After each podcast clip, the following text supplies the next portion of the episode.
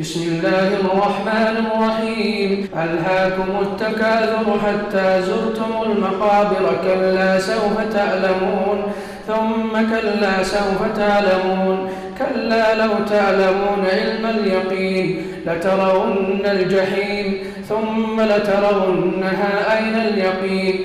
ثم لتسألن يومئذ عن النعيم